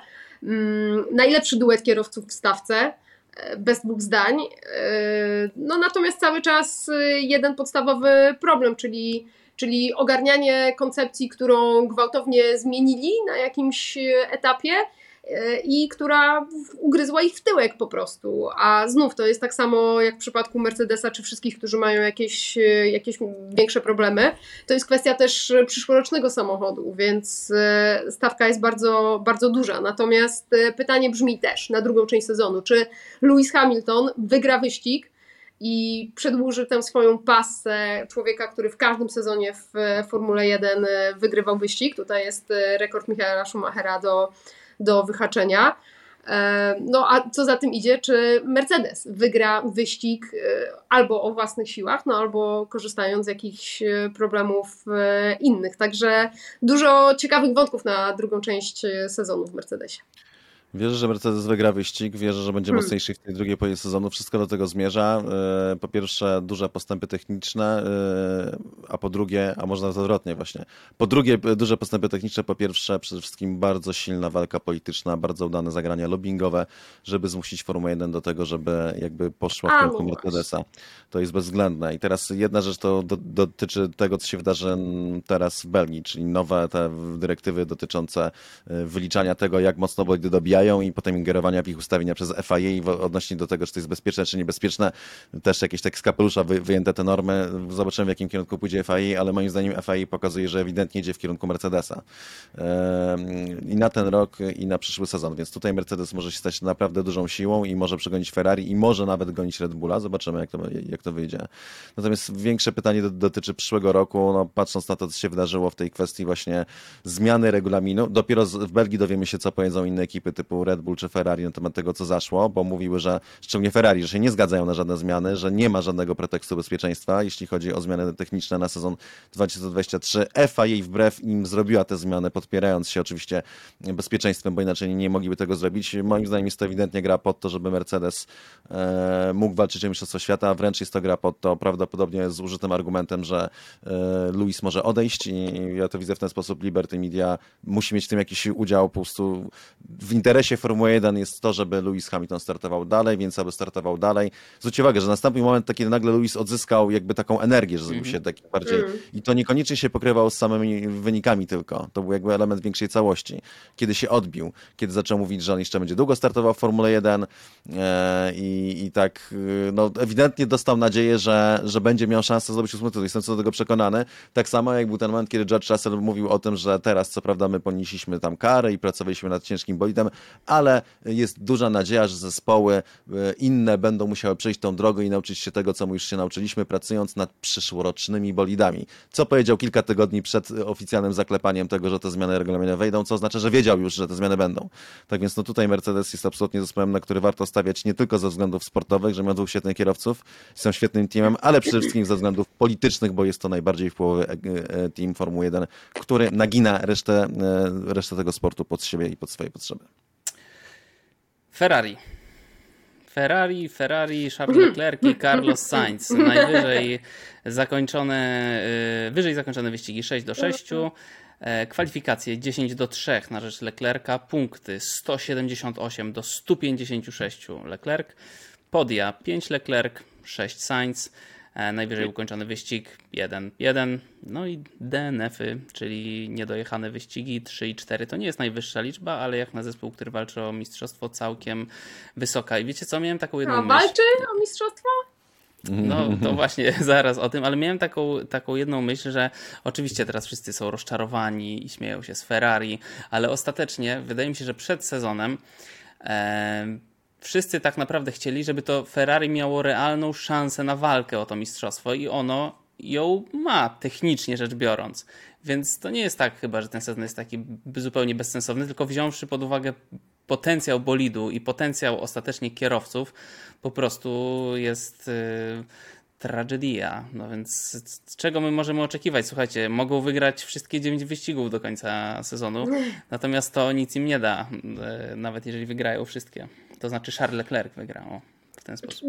Jeśli ja mogę zacząć, to mam jakby dwie rzeczy. Po pierwsze, e, problem Ferrari pozostaje ten sam i to jest e, samo Ferrari, to jest Mattia Binotto i jak ja czytam kolejny e, set jego wypowiedzi, w których on mówi, że nie ma potrzeby żadnych zmian, bo wszystko jest dobrze, tak, to wszystko. dostaje białej gorączki. Po prostu z takim podejściem, bezkrytycznym wobec siebie, oni z tego nie wyjdą. Nie jesteś w stanie z tego wyjść. W związku z tym e, ze wszystkich memów dotyczących Ferrari, które zobaczyłam przez przerwę wakacyjną, a było ich mnóstwo, najbardziej ubawił mnie ten, bo wiadomo, dobre, bo prawdziwe, w którym były przedstawione największe rywalizacje w ogóle, wiecie, wszechświata i na samym końcu Charles Leclerc i Ferrari. Niestety, po prostu największych, największych wrogów mają w sobie i to jest idealne odzwierciedlenie tego, e, tego powiedzenia. Natomiast e, jeszcze jedna rzecz a propos Carlosa Sainza, może o dziwo. Zaimponował mi, słuchajcie, jedną drobną rzeczą. Miałam o tym powiedzieć w, przy Danielu Ricardo, bo Daniel Ricardo mi z kolei w tym kontekście nie zaimponował, ale że zapomniałam, to odwrócę i powiem przy okazji, przy okazji Sainza. E, F1 wrzuca czasami takie śmieszne filmiki, nagrywają z nimi coś tam, no bo wiadomo, wychodzimy, wychodzimy do ludzi. Zadali im pytanie, wszystkim kierowcom, z kim woleliby się ścigać? Z Schumacherem w najlepszej formie, czy z Senną w najlepszej formie? I Daniel Ricardo powiedział z żadnym. Z żadnym, nie, nie, nie, z żadnym. A Sainz, i tu mnie zaskoczył, tu mnie zaskoczył, powiedział z oboma, proszę, tak, tak. Kompletnie inne podejście. Naprawdę, to aż trzeba, aż trzeba zobaczyć tego Sainza, który mówi both, please. Po prostu he's up for the challenge. I pomyślałam sobie, o kurde gościu, fajnie, fajnie, że masz w sobie coś takiego. To E, ciekawe. No, naprawdę, nie, ja to nie myślałam, że on to w sobie ma. Ja to widziałem i jak spojrzałem na tego Sańca, to zrobiłem cichego facepalma, nie? Takiego... Chłopie, gdzie ty do Senny, gdzie ty do Schumachera, gdzie to w ogóle, to, to znowu taki, dla mnie to jest taki element autokreacji, nie? I takiego kolejnego, to jest, Sainz był zawsze swoim lepszym PR-owcem, co No, to n- też prawda. nie chcę go za bardzo też tutaj disować, dlatego, że robi super dobrą robotę teraz i naprawdę zaskakuje wszystkich, moim zdaniem, prawie, poza tych, co w niego wierzyli ślepo, bo to tak to zaskakuje większość ludzi dlatego, że widzieli, co się dzieje. E, tym, tym, jaki cały czas podnosi poziom, tym, tym, tym jakie pokazuje kompetencje, szczególnie w momentach, kiedy Ferrari się gubi, on stara się jakoś przejmować tę pałeczkę w pewnym sensie lidera, nie zawsze skutecznie, ale jednak stara się to robić, natomiast cały czas, no sorry, ale to nie jest kierowca, który sobie może mówić, że tutaj, o, jakbym walczył z Schumacherem z Senną, dlatego, że no sorry, ale Nie, nie, jest kierowcą formatu Schumachera i Senny, bo to by było widać dawno temu, e, de facto zanim wszedł do Formuły 1, to nie ma takiej legendy, bo o Sennie jak się mówi, jak wchodził, czy o Schumacherze, no już wtedy w kategoriach juniorskich, już, już w kartingu i tak dalej, o Sancu nigdy, nikt nigdy tak nie powie. Zawsze powie, że był bardzo dobry i tak dalej, skuteczny, szczególnie w deszczu, ale nikt nigdy nie będzie opowiadał legend, jaki to był Dobra. w Makau, ścigając się z Hakinenem tutaj. Tego nie było, nie ma i nie będzie. Dobra, ale ja w ogóle nie, ja tego nie odebrałam w tym kontekście, że on postawił siebie, że on tutaj byłby godnym rywalem dla nich, tylko raczej w tym kontekście takim, że A, że jarałoby go walczenie z kimś Tak, tak, tak. dobrym. Podczas Aha, gdy, okej, okej. wiesz, gdy taki Daniel, o no, no, no, no, no, grazie, ja już tutaj, Rozumiem. Me go home. E, A, a, a Carlos był, ja, ja bardziej to zobaczyłam, bo w tym kontekście, o którym ty mówisz, no to też, no nie, no gdzie, absolutnie nie. Ale wydawało mi się, że to, przynajmniej ja mm, zinterpretowałam to tak, że, Mhm. że wiesz, że, że ucieszyłby się, że może walczyć z lepszymi od siebie, no tak. No i dobra, best of the best so far. Czyli najlepsi póki co. Red Bull, Verstappen i Perez. Yy, najwyżej ukończone wyścigi 9, 9 Verstappen, 3 Perez. Kwalifikacje 10 Verstappen, 3 Perez. Punkty 258 Verstappen, 173 Perez. Podia 10 do 6 e, Verstappen. No i najlepsze miejsce na koniec wyścigu pierwsze i pierwsze. Czy już rozmawialiśmy o tym, czy coś jeszcze może zabrać e, tytuł mistrzowski Maxowi i Red Bullowi? Moim zdaniem, chociaż oczywiście to się lubi mścić, ale no chyba są po prostu naprawdę mocni. Są świetnie operacyjnie, to jest świetnie zarządzany team, tam prawie, że nie ma słabych punktów, no na pewno jakiś jest, ale kierowców mają też wyśmienitych, chociaż jak też już rozmawialiśmy, Perez troszkę nas zawodzi po jednak pewnych, chociaż wszyscy mówią, że to po tej imprezie w Monako, że od tej pory jest zjazd, co go nagrali, jak schodzi taki półżywy. E, Ale nie wiem, nie wiem, nie byłem. E, No to co? Faktycznie jadą po swoje. No, zrobili w zasadzie to, co mieli zrobić. No, są pierwsi. Verstappen jest pierwszy, Perez mógłby być trochę wyżej jeszcze, no ale powiedzmy też nie dołuje tam, nie jest ósmy. Chyba, że, chyba, Czas że przepraszam, pokaże. chyba, że to też byłby problem z drugiej strony, gdyby Perez był za wysoko, bo był taki moment. Że... Nie, nie, nie, nie. No, na tym etapie Perez jest tylko problem, jeżeli będzie zabierał, zabierał punkty Verstappenowi, to raczej nie nastąpi. Już padły sygnały ze strony Red Bulla, że także raczej będziemy się starali tę sytuację regulować całkiem słusznie. Red Bull rozegrał ten sezon doskonale, dlatego że zrobili jeden z najlepszych bolidów, z całą pewnością. Nie najszybszy, nie, nie, chociaż ostatnio Helmut Marko mówił, że nie zgadza się z tym, że Ferrari jest szybsze, że to tylko incydentalnie, że tak naprawdę w trybie wyścigowym to zazwyczaj Red Bull był szybszy. No tak czy inaczej, zrobili jeden z najszybszych bolidów, zrobili jeden z bardziej wytrzymałych bolidów, może nie najbardziej, no bo, no bo Mercedes to absolutnie przoduje, ale z całą pewnością bardziej wytrzymały niż Ferrari, a to już jest dość dużo. Eee, no teraz zobaczymy, jak uderzą w nich znowu te zmiany, jeśli chodzi o badanie oscylacji i podłóg. Mówi się, że Red Bull Hmm. musiał przebudować bolid. Eee, Im bardziej, Horner powiedział tak, że nie wiem o co chodzi Wolfowi, to w ogóle nas nie dotyczy, my nic nie zmienimy, a teraz wychodzą wieści, że będą musieli homologować w ogóle nowe, ten, nowe chassis całe, dlatego że będą formalnie, dlatego że będą być lżejsze, co oczywiście to, to wierzę w to bardzo, bo to jednak ta walka z, ma, z masą to jest najważniejsza walka, tu można najwięcej zyskać. Najpewniejsze zyski czasu to są zmniejszając masę bolidu po prostu do jego tej granicy granicy minimalnej. Z drugiej strony mówi się, że chodzi o to właśnie też między innymi, że te nowe podłogi będą musieli wstawić, że to co Horner mówi, że my nic nie musimy zmienić, to właśnie muszą zmienić, dlatego że Mercedes tam wykrył i no, może bardziej FIA, że coś tam za bardzo ta podłoga pracuje przy dobijaniu i to jest jedna z nich przewag, więc ten element może jakby odwrócić trochę sytuację, może znowu dać dużo jakby przewagi Mercedesowi, dajmy na to i nie byłbym aż tak zdziwiony, gdyby się okazało, że nagle Mercedes walczy o zwycięstwa do końca sezonu, a Red Bull i Ferrari się tak bardziej hmm. przebijają. Naprawdę to nie, nie, jesteśmy w stanie tego zgadnąć na tym etapie, no tak, bo po prostu to, to nie, nie, wiem, co się wydarzy, ale to może być tak duża zmiana. Natomiast no, Verstappena mogą powstrzymać dwie rzeczy przed zdobyciem tytułu. Pierwsza to jest COVID, odpukać, e, czyli na przykład okazuje się w Belgii, że ten, że przychodzi badania pozytywnie i to się przenosi na Holandię. Moim zdaniem, gdyby się tak okazało, to to by nie wypłynęło, w sensie, że po prostu wszyscy by udawali, że jest zdrowy bo tak to działa, mówiąc w skrócie. No, tak, Więc tak. może tutaj nie, ale w dalszej fazie sezonu to może się wydarzyć. W Belgii i w Holandii Verstappen musi pojechać, bo to są dwa tory tak, Belgia to jest mnóstwo kierowców holenderskich, Holandia to jest Mekka jego i to jest naprawdę musiałby chyba, nie wiem, odpukać, stracić rękę, żeby tak, żeby się nie dało tego ukryć, żeby, ta, żeby ten wyścig nie pojechał, po prostu.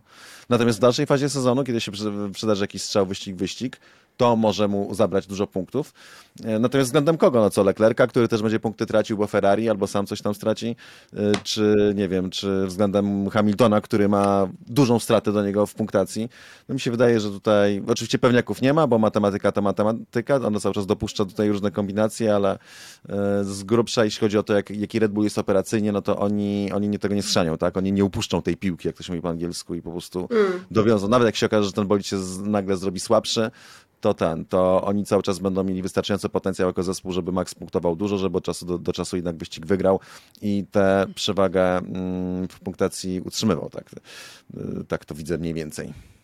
No to jako wisienkę na torcie podsumowania pierwszej części sezonu yy, powiem Wam jeszcze o ulubionych torach widzów w 2002 roku dotychczas. Wyścigach. W 22. Wyścigach, a ja powiedziałem co? 2000... To, to jeszcze raz. Ulubione wyścigi widzów w 2022 roku dotychczas. I podium wygląda tak. Chyba nie mogło to wyglądać inaczej. E, zgadujcie sobie teraz. Wielka Brytania 50% widzów zagłosowało na ten wyścig. Węgry 18% i trzecie miejsce Bahrain i Austria po 6%. No to pewnie było do przewidzenia ta Wielka Brytania. E, to jeszcze szybko przedstawimy. Czekajcie, wam... wszystkie, na których no. byłam. Dobra, to już. E, to, to spodziewajcie dlatego, się, to że dlatego. Holandia będzie spoko, Włochy też fajne. To dlatego. Formuła 1 sprawdza, gdzie była redaktor e, Marciniak i tak. Wice. Wice, przepraszam. Jakie tory nam jeszcze zostały? Powiedzmy szybko. Mamy Belgię, Holandię, Monce, Singapur, Suzukę, czyli Japonię, USA, Austin i potem Meksyk, Brazylię i Abu Dhabi. E, czy macie jakiś wyścig, na który czekacie najbardziej? Ja Singapur zawsze czekam bardzo niecierpliwie. Mi się wydaje, że w ogóle mamy bardzo fajne, teraz bardzo fajną mieszankę wyjątkowych torów, na których może się dziać, bo mamy Spa, czyli legenda. Mamy Holandię, gdzie być może będzie trochę mniej walki niż zazwyczaj, ale będzie ten klimat holenderski, jednak ten tor nad morzem w ogóle absolutnie wyjątkowy. Potem Monza, świątynia prędkości, najszybszy tor Formuły 1, znowu coś takiego innego, więc zwróćcie uwagę, trzy tory jak różne. Singapur, absolutnie wspaniały weekend, wspaniały tor, uliczny, bardzo długi, bardzo trudny, potencjalnie najtrudniejszy wyścig fizycznie Formuły 1. Japonia, słynne eski na Suzuce, aerodynamika i po prostu super fani. Kolejna zmiana enturażu i kolejna mm. zmiana po prostu. Naprawdę bardzo dużo się będzie zmieniało względem mm -hmm. tego, jakie będą te tory, jaka będzie pogoda. Super to jest zestaw. Potem Stany Zjednoczone, Austin, jeden z najlepszych wyścigów roku regularnie, świetnie skomponowany, skomponowany tor, bardzo lubiany przez kierowców, tor, na którym można walczyć, tor, na którym można wyprzedzać w tym roku prawdopodobnie jeszcze bardziej niż kiedykolwiek wcześniej. E, Meksyk, kolejny super weekend, na najwyżej położony tor, bardzo wysokie prędkości maksymalne, jakieś kwestie związane z chłodzeniem silników i hamulców, tego typu problemy. E, no i ten stadion, tak szalone miejsce absolutnie, gdzie przejeżdżają ten ostatni sektor i podium, fenomenalne miejsce. E, no i Interlagos oczywiście kolejny klasyk, to pamiętamy wyścig zeszłego roku, to co tam wyprawiał Lewis Hamilton. Oczywiście czystym talentem, a nie bolidem, prawda? To, to, to każdy fan tak. Lewisa wie. E, ale znowu wyjątkowy tor historyczny, w, no, dość krótki, ale zazwyczaj bardzo interesujące wyścigi, też pogoda może spadać finga. I najdudniejszym teren ze wszystkich będzie ten ostatni. Abu Zabi. E, aczkolwiek też jest, ja bardzo lubię ten weekend, w ogóle bardzo lubię iść do Abu Zabi i tam się też wybieram akurat. Natomiast jeśli chodzi o takie właśnie, patrzymy tutaj, wyliczam te wszystkie tory, to jakby na koniec taki, o, i Abu Zabi. Więc tak to Ale słuchaj, wtedy już będziemy, będziemy znać mistrza świata, więc... Prawdopodobnie. Prawdopodobnie tak, ale może nie. Więc już Trzymajmy będzie tylko kciuki za impreza. to, żeby te, te emocje były tak bardzo do końca, chociaż pewnie nie. To ja mam pytanie takie No. do tego, do, do, do was trochę, ale przede wszystkim do tych, do naszych widzów na YouTubie, bo tam można komentować. E, Jak obstawiacie, w którym z tych wyścigów poznamy mistrza świata? Hmm. Super dobre pytanie. pytanie. Dobra. Zrobimy sobie potem y, taki wykresik i zobaczymy. Ja na przykład bardzo czekam na Suzukę. Jestem bardzo ciekawy tego wyścigu. A teraz bym chciał, żebyśmy porozmawiali, no może nie jakoś bardzo długo, bo jednak wypowiadaliście się oboje o tym już dosyć y, sporo, ale czy to ostatni wyścig na Spa? Bo wygląda na to, że praktycznie nikt tego nie chce, żeby to był ten ostatni wyścig i e, słuchaj, mam parę wypowiedzi kierowców, e, czyli tych, kto, od których ten głos jest, wydaje mi się, bardzo ważny, ponieważ to oni ostatecznie tam jeżdżą. E, mamy po pierwsze Norisa. Jego spytali, czy on by wolał, żeby została Belgia czy Francja. Francja czy Belgia to proste. Belgia. Jestem w połowie Belgiem, jego matka jest Belgijką. Spędzałem tam dużo czasu jako dziecko, ale oprócz sentymentu do tego kraju uwielbiam też ten tor. Zawsze czekam na ten wyścig, to jeden z najfajniejszych torów w kalendarzu. Nie wyobrażam sobie kalendarza F1 bez y, wyścigu na Spa. Perez powiedział, byłaby wielka szkoda, po angielsku great shame, ale no wielka szkoda, byłaby lipa, gdyby Spa wypadło. Fetel, ten tor jest niesamowity, ale mm, wydaje mi się taką najbardziej konkretną wypowiedzią jest ta e, wypowiedź Piera Gasliego i no ja się z nią zgadzam. Nie sądzę, by głosy o wycięciu z kalendarza miały cokolwiek realnie wspólnego z kwestiami bezpieczeństwa. Dla mnie osobiście to ulubiony tor. No i cóż, wiem oczywiście, że nie mamy tutaj pewnie danych i informacji, żeby przewidywać, czy to będzie ostatni wyścig na spa, natomiast troszkę na to wygląda, E, ale czy oni będą się faktycznie mogli porwać na to?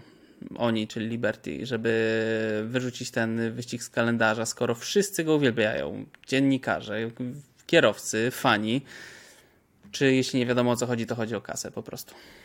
Znaczy, słuchajcie, kasa, którą płaci SPA w tej chwili też nie jest jakaś taka mm, strasznie mała. To są 22 miliony, więc y, rocznie. E, Dla porównania Holandia, która potem 32, Włochy 25, więc Wielka Brytania 25, Austria 25, Francja 22, czyli to jest taki, no taka europejska średnia, nie jest to, nie jest to dużo na pewno, tak jak, e, tak jak e, dalekie wyjazdy, jak e, Emiraty, jak Arabia Saudyjska, no bo tam, wiecie, Arabia Saudyjska 55 milionów dokłada. Natomiast pytanie, czy na rynku europejskim da się w stanie takie pieniądze wyjąć, to jest pierwsza rzecz, a druga rzecz, czy, czy koniecznie trzeba. No, oczywiście jakby pytanie, czy się, czy się poważą. Nie powinni się poważyć. E, pytanie, czy jeżeli nie wiadomo o co chodzi, to chodzi o pieniądze. Te pieniądze powinny wystarczyć na, poziom, na podobnym poziomie, żeby utrzymać SPA przynajmniej w systemie rotacyjnym. A to, czy w jakikolwiek sposób zostanie wzięty pod uwagę głos kierowców? Nie, na pewno nie, tak jak nie jest brany pod uwagę w e, innych sprawach. E, Więc zdecyduje biznes, ale myślę, że przy czym jak przy czym, ale przy Monaco, przy Spa te kwestie wizerunkowe są też ważne i trudno będzie e, nad tym przejść do porządku dziennego, nawet jeśli miałam wrażenie przy okazji Grand Prix Monaco, że e, już szefowie trochę robili grunt pod takie życie po Monaco na przykład. Mhm. I to był taki, taki pierwszy sygnał, że no, nie ma świętości jednak w Formule 1. E, Szli wszyscy w tą stronę, jakby się zmówili. Nie ma świętości absolutnie i nie będzie. Będzie to, tylko i wyłącznie interes. Amerykanie położą na tę łapę. Jak będą mieli do wyboru skreślić Grand Prix Monaco albo skreślić wyścig Las Vegas, skreślą Grand Prix Monaco bez skrupułów, bo po prostu bardziej się opłaca robić wyścig w Stanach i tyle. E, Nawet jeżeli będzie gorszy wyścig, a zapewne będzie, tak samo Miami ma być super, a wyszło słabo, to i tak wszyscy będą udawali, że było zajebiście, dlatego, że to jest wyścig w Miami i tam bilety są bardzo drogie i tam telewizory amerykańskie będą włączone i po prostu to będzie się dalej kręciło, więc tutaj chodzi tylko i wyłącznie o interesy i no, jest ten ruch, powiedzmy, w pewnym sensie obrony SPA. Teraz były bardzo ciekawe wypowiedzi Hornera dla Skaja, który mówi, że Monza Silverstone Spa to są wielkie historyczne wyścigi, e, które powinniśmy chronić. Zabrakło jednego, prawda, w tej, na, na tej liście, nie wiem, czy zwrócicie uwagę, z historycznych, bo to jest Monza, Silverstone Spa i jeszcze jeden wyścig się tu powinien pojawić. Monaco! Monaco. Tak jest, ten najbardziej zagrożony, Monaco. Czy Francji nikt nie wymieni, bo Francja też powinna, bo akurat to Francja to mnie nie dziwi, bo to było to jest słabe miejsce akurat. Tam nie ma gdzie, no, no Paul Ricard to nie jest dobry wyścig dla Formuły 1, do, do, dobre miejsce dla Formuły 1. I Daniel mówi tak, wspaniale, że mamy te nowe eventy, yy, i e, że jest zainteresowanie, ale musisz mieć historię. To by było tak, jakby ATP Tour odbywało się bez Wimbledonu. Więc to jest ten pomysł, że po prostu, że powinno być jakieś tam kilka eventów, które które są jakby nieodłączne, że one stanowią identyfikację Formuły 1, ale to tak nie będzie i z całą pewnością SPA pośród tych torów. Monza, Silverstone, SPA, SPA ma najgorsze, najsłabsze papiery i to nie ma nic wspólnego z tym, jaki to jest tor, tor jest fenomenalny, najlepszy z tych trzech moim zdaniem jest lepsza i od Monzy to bez, bez dwóch zdań i powiedzmy można dyskutować, ale moim zdaniem też jest lepszym torem niż Silverstone, ale to jest Belgia, to nie są Włochy, Ferrari, to nie jest Wielka Brytania, czyli kolebka Formuły 1, to jest tylko Belgia, więc po prostu oni mają najmniejszą siłę przebicia polityczną, a do tego jeszcze oczywiście, jeśli chodzi o kwestie finansowe, to też raczej nie podskoczą do poziomu szczególnie tego, co mogą zrobić Brytyjczycy. Niekoniecznie jako organizator wyścigu do Silverstone, tylko Sky, który płaci miliardy dolarów za to, że położył łapę na ogromnej części praw telewizyjnych na wiele krajów. To ja tylko e, króciutko dodam, że Horner z tym Wimbledonem to trochę jak kulą w płot, ponieważ e, owszem Wimbledon się odbył normalnie w tym roku, natomiast ponieważ Brytyjczycy wykluczyli z udziału e, rosyjskich i białoruskich tenisistów, to ATP właśnie podjęło decyzję o tym, że jest to turniej niepunktowany do rankingu, także tak niby było, a jakby go nie było akurat z tego punktu widzenia. To jak z tą Orszulką u Kochanowskiego, tak? Że tak niby jesteś, jakby cię nie było. Nie, czy odwrotnie? przepraszam. A, bombę zrzucił na koniec, dobra. E, pytania od widzów. Pytania od widzów, czyli nasza stała rubryka. I y, mam tutaj do Was trzy pytania. Y, od dwa będę oczekiwał, na dwa będę oczekiwał odpowiedzi, a trzecie po prostu przeczytamy, bo jest fantastyczne. Pierwsze pytanie mamy od ant3k podłoga v69 hashtag Jukli. E, I widziałem, Cezary, się tam odnosiłeś e, już trochę do tego pytania, ale mm, niech to będzie ukłon do może fanów, którzy nie oglądają tej Formuły 1 od dawna i na przykład nie wiedzieli, co się kiedyś działo. Pytanie brzmi: Przeczytałem pewien artykuł, który mówi, że Ferrari zniszczyło karierę Alonso, Fetela, a teraz Leclerca. Czy możecie się do tego odnieść? Tak byś mógł w kilku słowach się odnieść dla Ant 3K. Tak, poszedł do Ferrari i teraz biedny strasznie cierpi, bo yy, zespół tak nie, nie, nie zrobić mistrzostwa, mistrzostwa, świata, ale do cholery jasnej jeździ Ferrari, tak?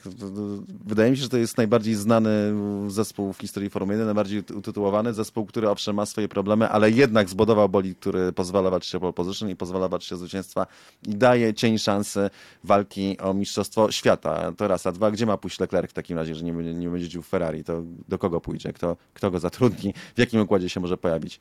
No to to absolutnie to, to top topu, do jakiego możesz trafić i musisz mieć nadzieję na to, że zespół się ogarnie i jakby wejdzie w to swoje okno, w tam, jeśli chodzi o ducha dziejów, tak, Heglowskiego i po prostu znowu to jemu historia będzie sprzyjała, natomiast no, ostatecznie no, nie, nie możesz wyżej mierzyć niż starty Ferrari i co więcej, to jest jeden, jeden zespół, w którym co by się nie działo, ostatecznie choćby tak, byli w drugiej połowie stawki i działo się źle, to przynajmniej jeździsz Ferrari i masz dużą szansę na to, że Ferrari się jakoś z tego pozbiera. Może nie walcząc o mistrzostwo, ale jednak robiąc bardzo dobry bolid. I też jakie przekroczenia. Alonso wcale nie, nie zniszczyły kariery Alonso. Alonso poszedł sobie do McLarena, jeżeli już to McLaren położył karierę Alonso, a nie Ferrari. Po prostu. Miał dwie szanse na zdobycie tytułu, dwie szanse zaprzepaszczone raz przez błąd strategiczny Ferrari, drugi raz dlatego, że się poczuli zbyt pewnie i położyli nie powiem co, na rozwój technologiczny i tego mistrzostwa nie wyjeździli.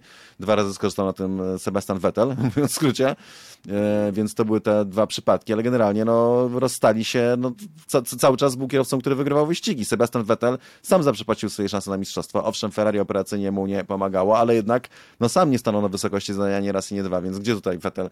Vettela karierę tylko podbiło. Wszedł na jakiś uciekł z Red Bulla pokonany przez Ricardo, wszedł na poziom zarobków o wiele wyższy niż miał w Red Bullu i no owszem, zdobył zdobył cztery tytuły, ale no Ferrari ugruntował jego pozycję jako jednego z najlepszych kierowców Formuły 1, słusznie czy niesłusznie. Tak więc no, absolutnie nie zgadzam się z takim stwierdzeniem, że tej Ferrari czyjąś karierę, no owszem, nie są idealni, owszem, grande strategie i tak dalej, ale to jest ciągle Ferrari i nikt nie ma prawa tutaj narzekać na to, że ojej, jeżdżę Ferrari jak słabo. No sorry, ale nie, nie, nie, to, to, to, to tak nie działa. No dobrze, dziękujemy. E, następne pytanie od Dawida MK7. Czy Max byłby tak samo dobry w Ferrari? I uwaga, nie chodzi tu o mnie. Wiem, że myśleliście. E, ja ci odpowiem, Dawidzie, przynajmniej na początku. Może ktoś się potem jeszcze odniesie. Moim zdaniem ciężko to porównywać, ponieważ jego miejsca na jego sukcesy są też y, wypadkową tego, jak dobry jest zespół. Natomiast uważam, że Verstappen, gdyby załóżmy, że coś się dzieje, on teraz przechodzi nagle jeden do jednego, pyk, pyk, to ze swoim mentalem, ze swoim podejściem, ze swoją jakąś taką mocą psychiczną mógłby wprowadzić ten zespół na trochę wyższy poziom. Oczywiście to takie gdybanie, bo gdyby pewnie był, nie wiem, od początku by nie był w Red Bullu, tylko w jakimś innym, może by wyglądał inaczej i tak dalej, i tak dalej. Natomiast moim zdaniem może nie byłby dokładnie tak samo dobry, ale myślę, że mógłby pomóc Ferrari wejść e, jakiś schodek czy pół schodka wyżej. Zgoda czy nie zgoda? No więc y, to, się, to się bardzo y, łączy z tym, o czym, y, z tym pierwszym pytaniem i tym, o czym mówił Cezary, bo to jest kwestia operacyjności Ferrari i kwestia błędów, jakie oni popełniają operacyjnie i jaką są strukturą. A są strukturą, która ma świadomość swojej historii, ma świadomość swojej wagi i w związku z tym ma też bardzo duże ego. E, na przykład, e, moi drodzy, nie wiem czy wiecie, ale jest taka niepisana zasada i ona obowiązuje właściwie w Ferrari jest stosowana. E, że dziennikarz nie ma prawa podbić do kierowcy po autograf. Dlaczego nie? Bo my jesteśmy Ferrari i to nie mhm. wypada. E, I żaden inny zespół się na to nie obrazi, każdy inny zespół zrozumie, a Ferrari się obrazi na dziennikarza, który to spróbuje zrobić. Jeżeli, hmm. więc e, między sobą, wiecie, są przekazywane, nie, nie, nie, w ogóle, a mówię to dlatego, że potrzebuję podpisu Charlesa Leclerca. E, I to jest naprawdę, i to jest naprawdę bardzo duże, bardzo duże zamieszanie. Więc Ferrari jest organizacją, która bardzo wysoko trzyma głowę. E, bez względu na to, czy obecnie sportowo ma do tego, do tego prawo, czy nie. I nie, Verstappen nie byłby tak dobry, jak jest e, w Red Bullu w Ferrari, ponieważ naciąłby się na te problemy organizacyjne, które Ferrari ma, a Red Bull jest zespołem zorganizowanym lepiej. I to jest też wątek, który się pojawiał w tym sezonie, w którym e, Vettel walczył z Hamiltonem o Mistrzostwo Świata. Pamiętasz, Cezary, były wtedy takie dyskusje a propos tego, ile Vettel sam zepsuł, te Niemcy i tak dalej, tak, że tak. gdyby ich zamienić bolidami, to, to e, Lewis Hamilton w tym Ferrari, taką jaką ono wtedy miało prędkość, jeszcze pamiętacie te silniki i tak dalej, tak, tak, tak. E, że Lewis Hamilton w tym Ferrari by wygrał to mistrzostwo z Maxem Verstappenem w tym Mercedesie. I na to wchodził nasz kolega Włoch i zwracam uwagę na jedną rzecz. W samym bolidzie może owszem, ale nie w Ferrari jako zespole. Nie, nie, nie, nie kolega Włoch. Kolega Włoch powiedział, jeszcze raz, kolega Włoch powiedział, że Luis by był mistrzem świata e, Ferrari, a kolega Polak Czaruś powiedział, że a, to moim zdaniem gdyby jeździł Ferrari, to Hamilton to byłby narażony na te wszystkie stresy, na które był narażony Sebastian Vettel i właśnie wcale nie byłem pewny co do tego, że to by nastąpiło i tak samo na tej samej zasadzie uważam, że Max Verstappen w Ferrari nie byłby tak szybki, nie, miałby podobne problemy co Charles Leclerc, nie przewalczyłby tego zespołem. Tak więc, e, tak samo jak Lewis Hamilton, nie startując w Mercedesie, Boże. nie byłby e, aż tyle razy mistrzem świata. To działa podobnie w przypadku wszystkich kierowców. Mogą być, nie wiem jak dobrze, ale zespół rządzi. Team is the king. Mam nadzieję, Wszystko, że wybaczysz mi, że próbowałam. Próbowałam no cię pozbawić autorstwa tego, tej fantastycznej myśli, która mi została w pamięci. Była to na tyle jakby ważna myśl dla mnie. Wszystko, wszystko, co Włoch pomyślał, Cezary już dawno powiedział. To jest podstawowa zasada. I napisał. napisał, tak. E, ostatnie pytanie, które tylko przeczytam i zostawię otwarte. Gabriela Sochan. Pani Aldono, kochana. Kiedy kobieta pojedzie w F1, WRC, MotoGP, Superbike i dlaczego to nie będzie pani? Zostawiamy tą kwestię otwartą. Wszystko zdarzyć się może. W którym najbardziej Superbike, co? Nie, Dana ma za dobre propozycje kontraktów z mediów, nie z telewizji, żeby marnować czas i życie na starty w sporcie motorowym. Czekamy na wystarczający kontrakt. Tak, tak, tak. Niech ktoś się zgłosi z poważną ofertą i wtedy będziemy się zastanawiać. Zapraszam, no jeszcze... zapraszam. Mój team menedżerski znacie. E, dobra, zostały nam jeszcze tematy luźne. Tematy luźne, tematy luźne. E, chciałem po pierwsze poruszyć to, co powiedział Verstappen, bo wydaje mi się, że to ciekawe, że powiedział to kierowca, a nie dziennikarz, bo to nie jest jakoś strasznie odkrywcze, co on powiedział. E, o tym, co odróżnia najlepszych kierowców od dobrych. Chodzi o te ostatnie dziesiątki sekundy w trudnych warunkach, w stresującej, kluczowej sesji kwalifikacyjnej, w bezpośredniej walce pomiędzy dwoma zespołami, nie różniącymi się bardzo potencjałem. Tutaj wyciągana jest ta różnica między dobrymi a najlepszymi. I no co, chyba pełna zgoda, ale tak mi się wydaje, że Pełna często zgoda kierowcy... i tak naprawdę, wiecie, kierowcy w bardzo, różnych, w bardzo różny sposób szukają tych, e, tych przewag. E, I pamiętacie, jak Nico Rosberg e, każdy kamień podniósł, jak to się mówi po angielsku, żeby pokonać Louisa Hamiltona, łącznie z wyliczaniem wagi mięśni własnych łydek, które przetrenował na, na kolarstwie i w związku z tym się zrobił za ciężki. Robert Kubica jeździł w rajdach i uważał, że, że to jest coś, co, co, co sprawia właśnie w tych okolicznościach, w tych trudnych, daje mu jakąś, jakąś przewagę nad, nad innymi, więc, więc tak, no, pełna zgoda z Maxem. Dziękuję. I nie, nie możemy jeszcze nie zauważyć startu Kimiego Icemana Raikkonena w amerykańskiej serii NASCAR. Ja wiem, szybko poszło, można było, wiesz, jak ktoś poszedł po herbatę, to mógł ten, no. Ale, ale, trzeba powiedzieć, że na samym początku, deszczowym, przyznajmy to, e, przebił się o kilkanaście pozycji, e, no ale za chwilę został uderzony, jak sam mówi, nie mógł nic zrobić, wypadł z toru, na tym zakończył wyścig, chociaż z tego, co czytałem, to ogólnie zespół jest zadowolony i patrzy e, z takim optymizmem w przyszłość. W ogóle przypomniało mi się, kiedyś oglądałem stand-up i tam się śmiali z NASCAR-u i mówi, że co, ciekawicie, że po prostu turning left i tak się go wyśmiewał, że oni tylko w lewo. To nie jest to takie proste, ani takie zabawne, w sensie, że to jazda po owalu, to, to tam się bardzo inaczej zupełnie się patrzy na prędkość i, i tam naprawdę się to kryje w niuansach, które są, z całą pewnością kierowcy tacy jak kierowcy Formuły 1 czy ścigający się po torach drogowych są lepszymi kierowcami, ale to jest daleko inna specjalizacja, która wymaga naprawdę doświadczenia, wyczucia, także w zestaraniu samochodów, w najmniejszych niuansach, szanowania prędkości. Jest to też jazda bardzo ryzykowna. Może w NASCARze nie aż tak bardzo, bo to są wolniejsze, mimo to są szybkie samochody, ale nie są tak szybkie jak Indikary. Natomiast cały czas tam jak lecisz, jak lecisz z owalu, to na grubo, nie? Od razu zaraz obok czeka ściana. I jakie tam są tłumy po prostu. Bokiem, tak, ktoś jeszcze no bok tak. zaraz przeładuje, jak się odbierze o tę ścianę, więc to jest taki hardkorowy sport generalnie, jazda po owalu. Tak, i oni jadą tacy ściśnięci, po prostu tam tych samochodów jest kilkanaście. Mm. Jest taki filmik na YouTubie, że tam prawdziwa prędkość NASCAR e, z trybun, z tego najniższego rzędu, to tam mm. wiecie, zwiewa kapelusze, kurtki, tak. Mi się natomiast, słuchajcie, podobał fragment konferencji prasowej, na której Kimi został zapytany, no słuchaj, no jesteś mistrzem świata, no po co ci to no tak w skrócie, ta, ta porażka, no po co ci? Taki mi zupełnie spokojny. A jakie to ma znaczenie? Mogę mieć jeden nieudany wyścig. Jakbym przejechał 20 wyścigów, też mogę mieć wśród nich jakiś nieudany wyścig. Jakie to ma znaczenie? Ja tutaj się chciałem dobrze bawić i tyle. I to jest, proszę Państwa, Iceman Kurtyna. To jest Bohemian Rhapsody. Anyway the wind blows. Ale dla nas ma wielkie znaczenie, że byliście z nami do końca, albo przerzuciliście chociaż na ostatnie 10 minut i słuchaliście konkluzji.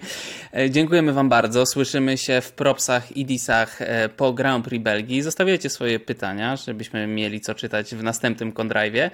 E, dziękujemy Wam bardzo, dziękuję Ci Aldono, dziękuję Ci Cezary i do usłyszenia. Papa. Pa. Pa, pa.